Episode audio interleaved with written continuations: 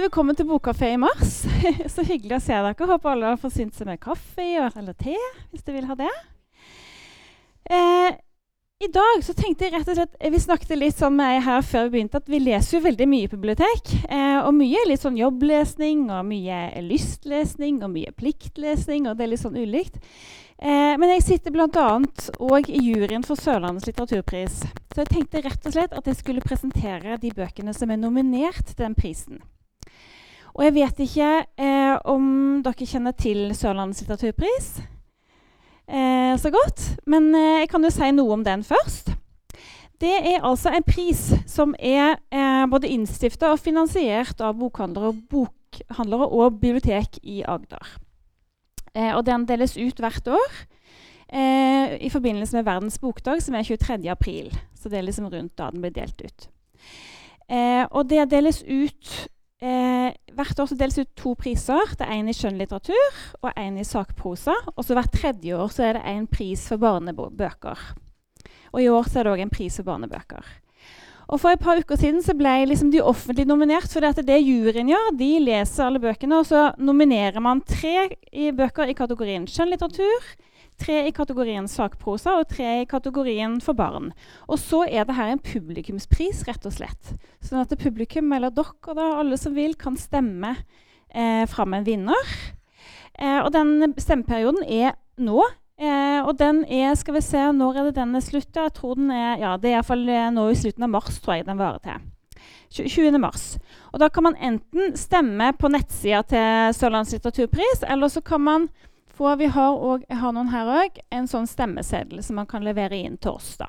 Og så sender vi den videre til de som skal eh, ta imot den. Eh, og det er jo en pris som, eh, som, nok ikke er så veldig mye kjent, egentlig. Det får litt oppmerksomhet, men ikke så veldig mye heller. Um, men det som er målsetningen da for Sørlandets litteraturpris Hvorfor har man egentlig en sånn pris? Det fins jo en god del andre litterære priser. Men målsetningen er altså å stimulere til leselyst og øke oppmerksomheten om litteratur, særlig i vår landsdel, og hjelpe fram nye og gryende forfatterskap fra Sørlandet, altså Agder. Så det som er kriteriet, er jo at forfatteren må ha en eller annen tilknytning da, til Agder. Uh, ja, så da tenkte jeg skulle begynne med Og jeg har òg en oversikt her da, over de som er nominert. Jeg tenkte jeg skulle begynne med de som er i kategorien skjønnlitteratur. Um, og det er veldig spennende å sitte i den juryen, det må jeg bare si. mye, mye, forskjellig å lese, og selvfølgelig litt vanskelig òg. Og så ja, finne ut hvilken som skal være med, da. Eh, men den første boka jeg skal snakke om, den heter 'Invictus'. Og jeg skrev av ei som heter Sunniva Ly Akselsen. Jeg skal lese hva juryen har, har skrevet og uttalt seg om den boka. Hugo Nørve er selvutnevnt vaktmester for en tolvetasjes blokk som mildt sagt huser et vilt sammensatt persongalleri. Samtidig som Hugo kjemper en kamp om å holde denne blokka så lite rotet han kan, skifte blinkende lysstoffrør og bære ut døde, så stiger havnivået faretruende mot blokka, og det regner ustanselig. På TV ruller og går programmet Innsjekk med programleder Helena, som sjekker inn på ulike institusjoner. Og når Innsjekk annonserer at de vil lage et program for blokka, øyner Nørve en mulighet for å fortelle verden at han ikke hører til blant dem som bor der. Dette blir en fortelling om Dantes kamp mot verden. Det er morsomt og rørende om å være utenfor og på siden av det etablerte. Vi er innom klimaendringer, sosiale problemer og vellykket mediekritikk uten at det noen gang blir påtatt eller for mye. Det er det juryen har sagt. Så handlingen i denne blokka her, er, denne her, den foregår i en tolvetasjes stor blokk som kalles Slottet. Så da den ble bygd, så lå den på en sånn stor høyde, liksom litt over de andre blokkene. Og handlingen er lagt litt sånn i framtida en gang, så da er klimaendringene er veldig påtagelige. Det er, det er, i Oslo denne handlingen foregår. og der har liksom fjorden, Det bare steget veldig mye. Det regner veldig mye. Alt er veldig fuktig. Eh, og bygg, altså Operaen og sånt er liksom oversvømt ikke sant, av vann. eh, så det handler om det. Men det er ikke noe sånn, det er liksom bare sånn det er i denne boka. her, Så det blir ikke gjort noe sånn på eget poeng ut av det. er bare sånn det er. Um, jeg, skal, jeg, vet ikke om dere kjente igjen det her, men eh, innsjekk det er jo det her programmet som Helene sjekker inn. Jeg vet ikke om dere har hørt om det på NRK. Som er Helene da. Her heter hun Helena, og så er det innsjekk. Men det er jo liksom samme type program, så hun harselerer litt forfatteren med, med det programmet. Jeg skal, jeg skal, lese litt fra, fra, det her. Og det er altså Hugo Nørve da, som er på en måte eh, han vi følger i denne boka her. Eh, og den blokka, den er altså si, det, har, det har liksom hver sine folk har liksom sin etasje. Og det er jo altså da alkoholikere i en etasje, det er narkomane i en etasje, så er det minstepensjonister har de òg en etasje. Og så er det en etasje som da huser altså de som finner meningen med livet i hærverk og blind vold, f.eks. Så det er jo helt eh, vilt. eh, jeg skal lese litt fra det eh, her. Fjernsynet på fellesrommet står på døgnet rundt. Det skraper og flimrer til tider. Men jeg er ingen elektroingeniør. Det kan hende jeg kan lære meg et par knep på Internett. Men en dag finner noen ut hvordan de skal skru ned hele skjermen. Og det er ikke slik at kommunen får, og, eh, får kjørt opp en ny i løpet av 24 timer. Og da blir det uetisk av meg å bruke masse tid på å studere elektronikk. Den tid, den sorg. I dag er det stinn brakke. Ellen, Rosa, Hanna, et par gamlinger, Lauritz og Fitta. Fittas blikk går i alle retninger. Han klarer ikke å sitte stille, men sveiver rundt mellom bordene på rulleskøytene sine. Det er rotete på fellesrommet. Askebeger i vinduskarmen og på gulvet. Sammenkrøllet dopapir i en stor dam med øl. Og luktene. Sigarettrøyken. Ellens rosa bobletyggegummi. Hannas parfymerester. Og de siste gulnede slantene fra ruglete flakonger med kork formet som en svane, en amatyst eller en iskrystall. Jeg sitter og tråkker på det våte dopapiret ned i øldammen, skyver det fram og tilbake med skotuppen og ser på mens det krøller seg vått og gult. Du griser, sier Lauritz uten å se på meg. Han sitter på en av de fastboltede stolene og skrever med beina. Rosa glor på TV-skjermen med de brede hendene i fanget. Hanna klakker hvileløst omkring på høye hæler og kolliderer med fytta på rulleskøytene, hveser noe til ham og får ikke svar. Lauritz sitter dypt konsentrert med telefonen sin. TV-en står på. Nettopp. Det er lørdag og innsjekk. På skjermen står en lyshåret dame med strikkegenser og holder seg for munnen mens hun ser mot noen høye murer med piggtråd på toppen. Går det bra, Hugo? sier Fitta og tar tak i stolryggen min. Fitta ble født på Rikshospitalet en tidlig vintermorgen. En morgen hvor solen var på vei oppover åsen bak sykehuset og fikk snøen til å glitre i en milliard små krystaller. Et kort øyeblikk en bit av noe hellig, sannsynligvis for første og siste gang i Fittas liv. Så var det hjem til trygdeleiligheten og halvsøsknene som krabbet rundt med sigarettlukt i håret. Fitta er for ynkelig til å bære nag til. Han er tvers igjennom stakkarslig. Øynene i kryss og håret i fettede strimler nedover nakken. Jeg forstår godt at han holder seg til Lauritz. Han hadde ikke klart seg et sekund på egen hånd. Har du en Paralgin forte? spør han. Nei. Hva ser vi på? Innsjekk. Er du sikker på at du ikke har en paralgin forte? Jeg tror jeg så en ute på parkeringsplassen, sier jeg, og fitta skrenser ut av døren og blir borte. Innsjekk er basert på at en kvinne ved navn Helena, som er lyshåret, naturlig sminket og, naturlig usminket, bestandig og kledd i dongeribukser og strikkegenser, trenger seg inn hos mennesker som ikke mestrer sitt eget liv, og overnatter på institusjoner de er innesperret på, eller på hybelhuset deres, eller i sovepose bak noen konteinere. Programmet handler om hvor uredd og tolerant Helena er.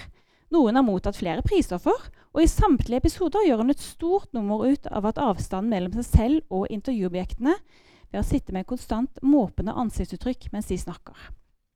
Hun stiller mange spørsmål, men gir ingen respons på svarene hun får, annet enn altså denne måpingen. Hver uke. Hun passer på å understreke for kameraet at hun, i motsetning til dem hun snakker med, har for vane å utføre vanlige og anstendige handlinger som å pusse tennene. I hver episode sitter Helena, som regel kledd i en stor pysjamas, og filmer seg selv med mobilkamera i fengselscellen hun har fått tildelt, eller på den psykiatriske sengeposten, eller på institusjonen for barn som forgifter foreldrene sine, og snakker om sine egne følelser.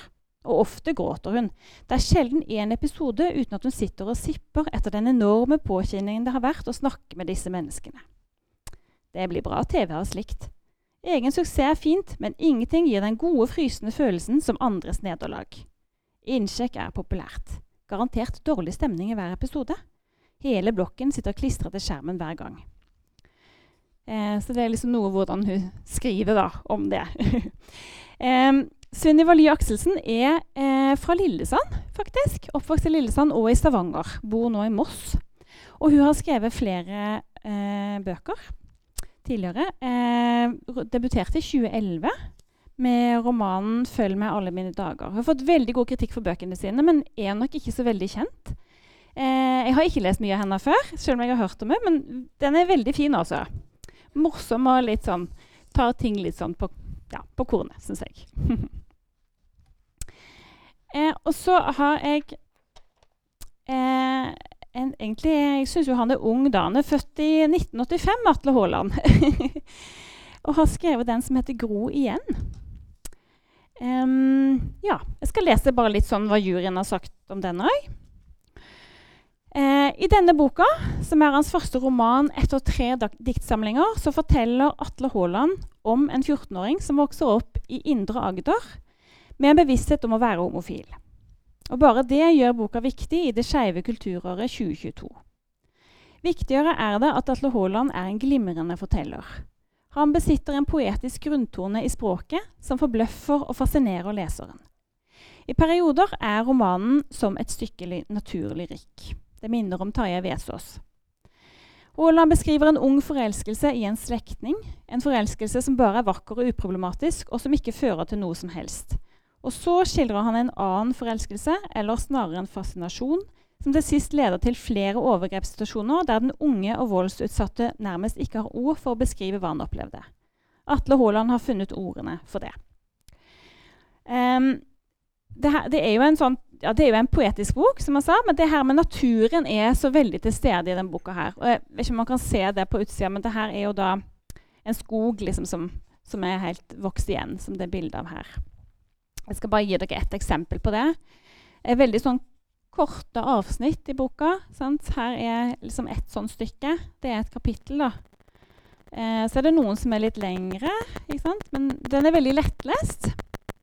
Eh, ikke så vanskelig tilgjengelig. Jeg tror nok kanskje noen eh, kan tenke seg at den er det, men den er ikke det. da.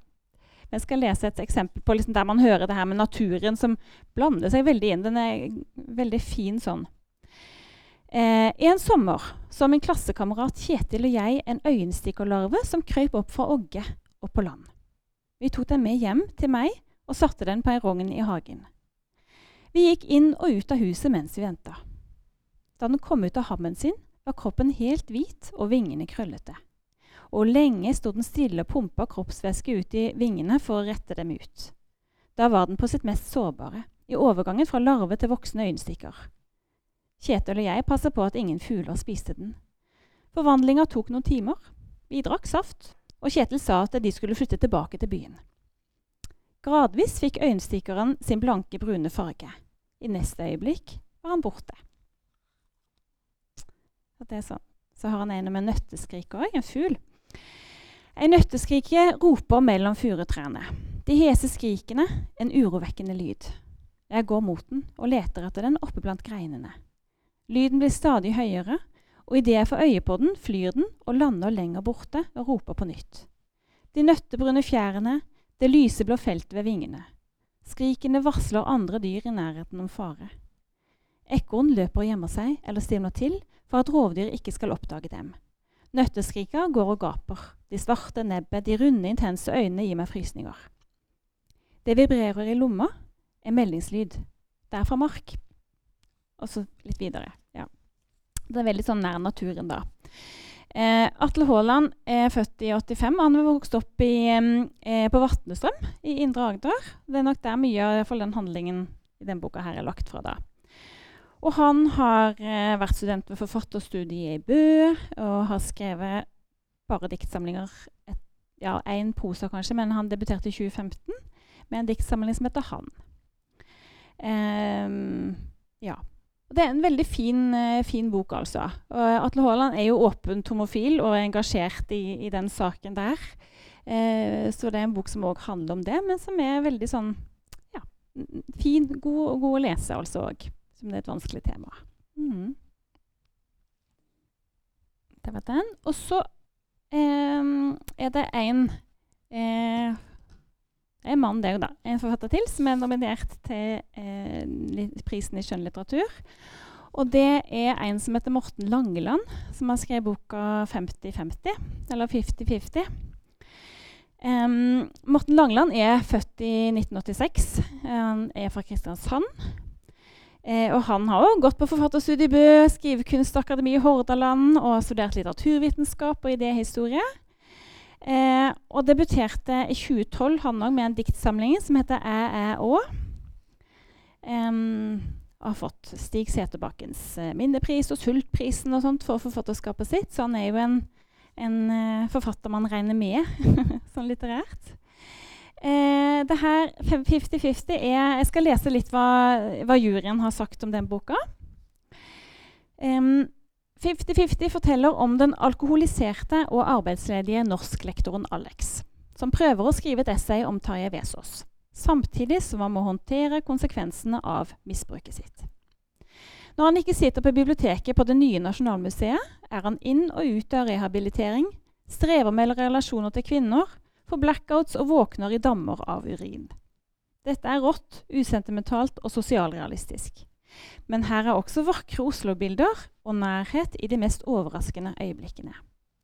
Langeland har en språklig lekenhet som fungerer, og juryen lar seg imponere av evnen til å finne det vakre i det stygge og det varme i det åpenbart kalde og umenneskelige. Eh, jeg skal lese litt fra det han Alex her, som sitter på biblioteket på Nasjonalmuseet og skal skrive da, et, et, essay om Tarjei Vesaas. Skal lese litt fra det. Klokka hadde bikket 15. Han måtte holde ut til biblioteket stengte en time senere. Han hadde kommet én setning kortere enn da han ankom for tre timer siden, altså strøket én. I pannen og på overlepa piplet ørsmå svetteperler fram. Og det var ikke nervøsitet. Den slags kunne han lett stenge av. Snarere var det gårsdagens konsum som rant ut av ham og ba om påfyll. Leveringsfristen til essayet, en lesning av det særnorske godheten i Tarjei Vesaas forfatterskap, i anledning nevntes 125-årsdag nærmet seg. Og dette måtte da være, tenkte Alex, som mange ganger før, siste sjanse. For Alex var det samtidig en slags førstesjanse, ettersom han nylig hadde bestemt seg, omstendighetene tatt i betraktning, og bestrebe seg på å ta et karrieremessig skritt til siden. Fra læreryrket til frilans kulturskribent. En kort røykepause, og så skulle han inn igjen og gå i setningsoverskudd. Én i pluss i dag, to i pluss i morgen, tilbakelente grønne piler og rake veien til månen. Han måtte ikke sette seg for håret til mål, i hvert fall ikke gi seg i motbakke. Det handlet bare om å klokke inn timene. Tikk-takk, to til fire timer hver dag hver dag. Kontinuitet, men ikke nok til å bli lei. De fleste dager ble to til tre timer for mye. Alex tok på seg vinterfrakken og passerte skrankepersonalet gikk ut av biblioteket, forbi vekterne som sto i vestibylen, og gned hender for å holde varmen, og så gjennom karuselldøren og ut i den rå novemberluften. Gaten var nesten tom. En og annen rakk, før, eh, rakk hjem før rushet startet. Froststreiken bet i nesen, og røyken sto ut av munnen, selv før han tente sigaretten og kjente at han ble svimmel, igjen, svimmel og sigen. Bruset i blodet, slik han fortsatt ble den første røyken for dagen. Litt tidlig for ham. Han burde vente til det ble mørkt. Hvordan i Hålogaland skulle han løse Vesaas-essayet? Han hadde bladd hist og pist og prøvd å huske hva han likte da han faktisk leste forfatterskapet for 15 år siden, og ikke minst forsøke å undersøke sin egen motivasjon for å få fatt i forfatterskapet. Bøker om skauen og en gjeng fåmælte bønder som sutrer ved det minste tegn på utvikling og later til å synes at enhver mellommenneskelig kommunikasjon er et under. Faren, altså. Alex hadde lett for å lire av seg gloser, men å skrive at han var ulik Vesos, at han, eh, men å skrive at han var ulik Vesos-personene var takk Gud ikke et bærende element i jubileumsessayet. Ikke ennå. Um, og så går han ut, og Når han står ute på den plassen her da, foran med rådhuset, der, så ser han en gjeng skeitere som skreiter. Og 50-50 eller 50-50 er altså et skreitetriks som de kan gjøre, som de prøver på gjennom denne boka her. Eh, så det henger jo litt sammen med med hvordan han takler sitt liv, og hvordan de skaterne da får til det trikset. tenker jeg. Det er vel litt sånn det, det er meint. eh, ja, det er en veldig sånn, eh, veldig sånn morsomt bekjentskap med Morten Langeland. Som er ja, veldig fin bok. Det var den første boka jeg har lest av han. Jeg har ikke lest noe annet av han tidligere, selv om jeg har hørt om han. Men, uh, mm. Eh, så det var det, de tre som er nominert i, for skjønnlitteratur. Og eh, ja. Så det, det, er jo fint å vite om de, om ikke dere vil lese de, så det er fint å vite om de i hvert fall. Og så gjerne være med og stemme, stemme fram òg. Eh, og så er det de som er for, eh, i kategorien sakposer, som jeg òg skal ta for meg. Og da, den første er Kanskje dere har hørt om den her. Det er den som heter 'Oss mot verden' av Kajsa Sukov Hansen. Um, det her er en bok Kajsa Sukov Hansen er altså født i 91. Hun er fra Arendal uh, og bor nå i Kristiansand. Dette er en bok om livet hennes om å være fattig i dagens Norge.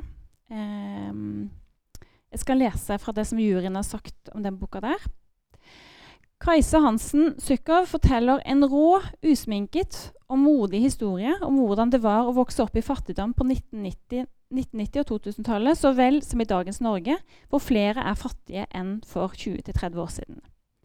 Den viser hvordan fattigdom reproduserer seg, og hvor dyrt og klaustrofobisk livet blir når gebyrene hoper seg opp og saksbehandleren går i ring rundt seg selv.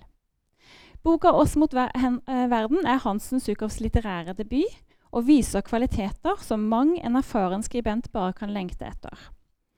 Hun forteller medrivende, holder leseren fanget og kaller på vrede, tårer og smil, for heldigvis fins det også humor midt i den sørlandske elendigheten hun beskriver. Boka rommer skarp og viktig kritikk av hvordan hjelpesystemet, særlig Nav, kan virke mot sin hensikt. Hun innstilles til Sørlandets litteraturpris både for høy litterær kvalitet og for viktig tematikk. rett og slett. Um, eh, for meg, jeg leste, jeg bor, eh, Hun skriver mye fra Arendal. Jeg bor i Arendal. og Det var veldig spesielt å lese, for det er jo eh, steder man kjenner igjen, og noen personer faktisk som jeg kjenner igjen. En, noen av de er anonymisert eller gitt et annet navn, men ikke alle. Eh, men det som er så fint med denne boka, her er at hun, altså hun skriver jo om fattigdom, men hun har jo egentlig eh, hun har det egentlig godt hjemme. Hun har en god mor. Um, selv om hun, faren hennes døde av en overdose da, da hun var liten. men mora er snill, men de er jo altså fattige. Jeg skal lese litt fra, litt fra det. Mamma var ikke som alle andre mødre. Jeg visste om andre voksne som eh, minner om mamma, men ingen var akkurat som henne. Mamma hørte på kul musikk, hadde mørkegrønn øyeskygge, røyka Marlboro Red, og av og til dro hun ut på kvelden for å danse med vennene sine. Sjøl hadde jeg aldri sett mamma danse, så jeg spurte om hun kunne vise meg hvordan hun dansa. Men det ville hun ikke. Det var visst noe med stemninga i byen. Vanskelig å gjenskape i stua hjemme. Jeg visste om mødre som likte å bake, og som sto opp tidlig hver søndag for å gå tur med fullpakka sekk, som hadde middag klar hver dag klokka fire. Mamma var ikke sånn. En gang da vi skulle til badelandet i Langesund, hadde hun stekt vafler og putta dem i en isboks. Da ble fetteren min så sjokkert at han husket det enda, 15 år senere den gangen tante Trude hadde med vafler. Mamma var god på å synge. Hun sang for meg hver kveld etter at hun hadde lest høyt fra Mio med Mio. Før aktivitetskvelder i gymsalen på skolen var hun flink til å fikse håret mitt, sånn at de eldste jentene på skolen, sånn de eldste jentene på skolen ville ha det, men ikke fikk til. Hun var en god venn for vennene sine. Vi hadde alltid folk på besøk. Eller noen som sov på sofaen. Om vi hadde dessert, så lot hun meg gjerne spise den før middagen. Det var ikke så nøye. I motsetning til foreldrene i klassen sa hun ofte ja til overnatting midt i uka. Og etter at pappa døde, fikk mamma attføringspenger av Nav, mens hun gikk i lære for å bli massør. I to år sto hun og knadde såre rygger og nakker for å bli utdanna uten å tjene ei krone. Og etter endt dag på massørskolen så masserte hun flere kunder hjemme i stua hos oss. Og sammen med pengene fra Nav så holdt lønna fra det nesten til melk og brød. Nesten. Da jeg ble litt eldre, ble mamma uføretrygda trygda, men likevel drivjern. De fleste vet at det ikke trenger å være en motsetning, men jeg kjenner behov for å skrive det likevel. Jeg følte tidlig at vi var annerledes. De andre i klassen min bodde i hus de alltid hadde bodd i. De hadde små eh, streker på dørstokken som viste hvor lange de var i centimeter, med dato for når de ble målt. De hadde lært å krabbe og gå på gulvet i stua. Sitte rundt det samme bordet hver dag og spist middag til samme klokkeslett. Jeg og mamma vi flytta. Vi bodde ikke alltid alene heller, vi bodde i kollektiv. Og når jeg hadde besøk, så spurte klassevenninnene mine hvem alle var, hvorfor vi bodde med så mange mennesker. Det visste jeg ikke, men jeg likte det. Det er liksom sånn hun lever. Så er det jo litt sånn at det går jo litt i arv, det her med å være fattig og få en utdanning. Eh, nå klarer hun Kajsa etter hvert å få seg en utdanning, så det er jo fint med henne nå. Men eh, det er vanskelig å komme seg ut av det systemet, og det er ikke så lett å se når man ikke er i det sjøl. Og det her med hvor firkanta Nav kan være, da, eh, oppleves det, ja, det er ikke lett.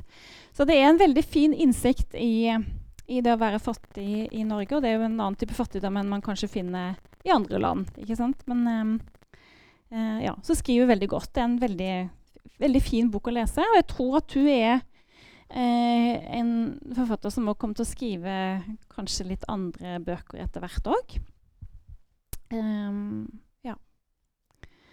Uh, og hun er nå uh, hun Nå hun, jobber hun i Kristiansand, faktisk, på et sånn eh, fritidssenter. Og er godt utdannet og har master, til og med, så hun har liksom klart å komme seg, uh, komme seg ut og leve et liv som hun Som er bra, da. Men er veldig engasjert i den saken der. Det er fint. og så til en helt annen bok som òg er nominert. Skal vi se Eh, nemlig Sørlandsk skipsfart. Eh, fra 1920 til 2020, skrevet av Olav Arild Abrahamsen. Og dette er andre del da, av eh, en bok om sørlandsk skipsfart. Um, jeg skal lese det juryen sier der. Andre del av tobindsverket, Sørlandsk skipsfart, står solid på skuldrene til bind 1 og gir leseren en spennende gjennomgang av de sørlandske redernes evne til å mestre ulike utfordringer i form av nødvendige omstillinger og moderniseringer, krig og økonomiske utfordringer. Da det ser ut til at den sørlandske redernæringen er i ferd med å totalhavarere under shippingkrisen i 1976-87, satser enkelte redere på den nye offshorevirksomheten innen oljeindustrien. Boka beskriver godt hvordan dette for mange rederier blir redningen og fører næringen inn i en ny fase med leveranser til olje- og gassvirksomheten. Sørlandsk skipsfart er en spennende bok som er godt skrevet og rikt illustrert. Og særlig framhever juryen delen om sjømenn i krig, som gir et unikt innblikk i livet til de sivile nordmennene som fikk møte krigens mest brutale sider. Over 4000 sjøfolk fra Agder-fylkene var tilknyttet handelsflåten, hjemmeflåten og marinen, og 200 mistet livet. Eh, Sørlands skipsfart er et solid og gjennomarbeidet verk som forteller historien om en viktig del av næringslivet på Sørlandet og norgeshistorien. Eh, det første bindet som kom, det kom for eh, ja, det, bare noen få år siden. Og det var liksom skipsfarten fra eh, 1600-tallet til 1920. Eh, og han, Olav Arild Abrahamsen han er eh, pensjonist nå, men han er tidligere førsteamanuensis ved, ved, Universitetet i Agder. Eh, han har undervist både i kulturhistorie maritim historie. Har skrevet tre andre sånne eh, by, eh, bybøker, holdt det på seg, eller byhistoriske bøker fra Molde, og Flekkefjord og Farsund. Eh, så han er jo absolutt sånn vel kapabel til å skrive det verket her. Det er et kjempeverk for de som er interessert i det, altså. Med eh, bilder og eh, statistikker og ja. Det, ja. Og det er jo et viktig verk, rett og slett. Og som er veldig spennende for oss her, eh, og i Grimstad og i Ørdal, som er liksom eh, Ja. Det er en kjempe, kjempefin bok. Og den siste boka det er eh, en, egentlig en tungvekter av en historiebok. Men den er eh, fra Unionsvennenes leir. Statsminister Georg Sibborn og hans slekt. Skrevet av Arild Stubhaug.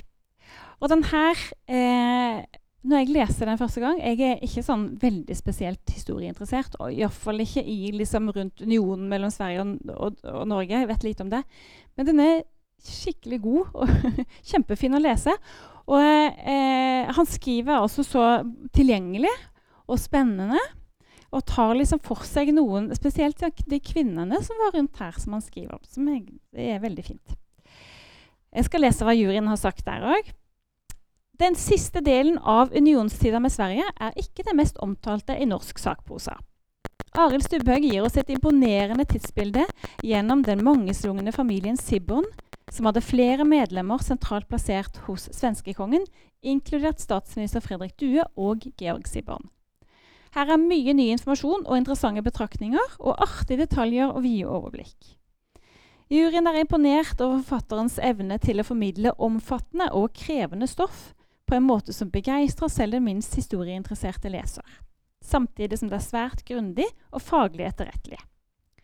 Stubbhaug har et lett språk og en tilgjengelig stil, og tar seg tid til mye som har vært utelatt tidligere, som kvinnenes rolle i historien og datidas musikalske superstjerne Alete Siborn.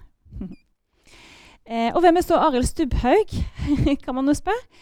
Han er eh, født i 1948 eh, i Sunnfjord, men bor nå i Arendal. Eh, og han har skrevet en rekke skjønnlitterære bøker før. Jeg vet ikke om noen av dere har hørt om han før?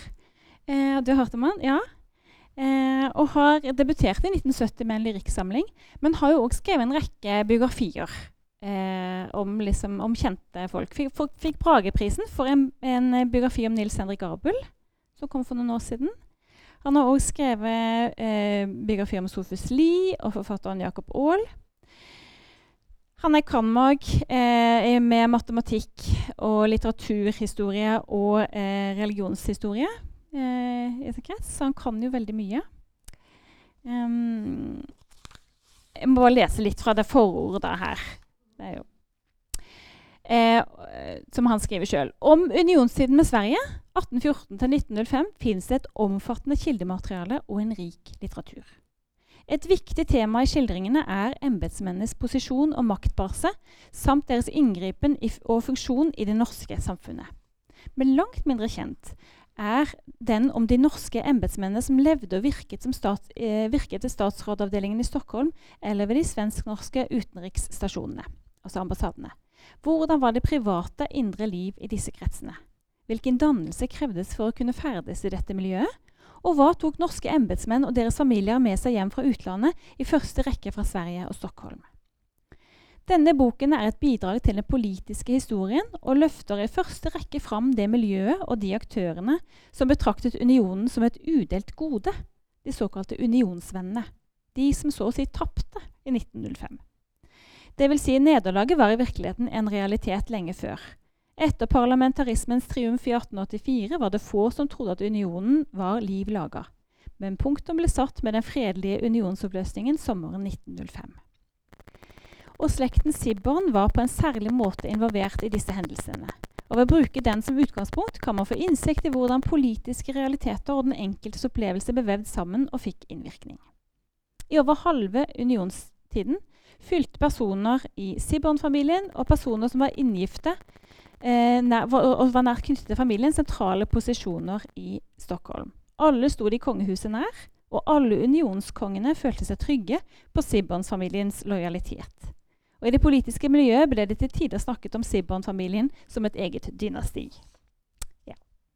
Det er det han skriver om, da. Den er fin å lese.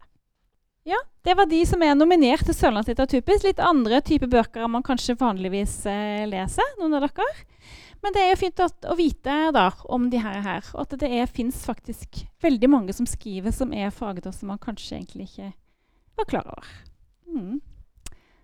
Så takk for meg, og takk for at dere kom. og god helg.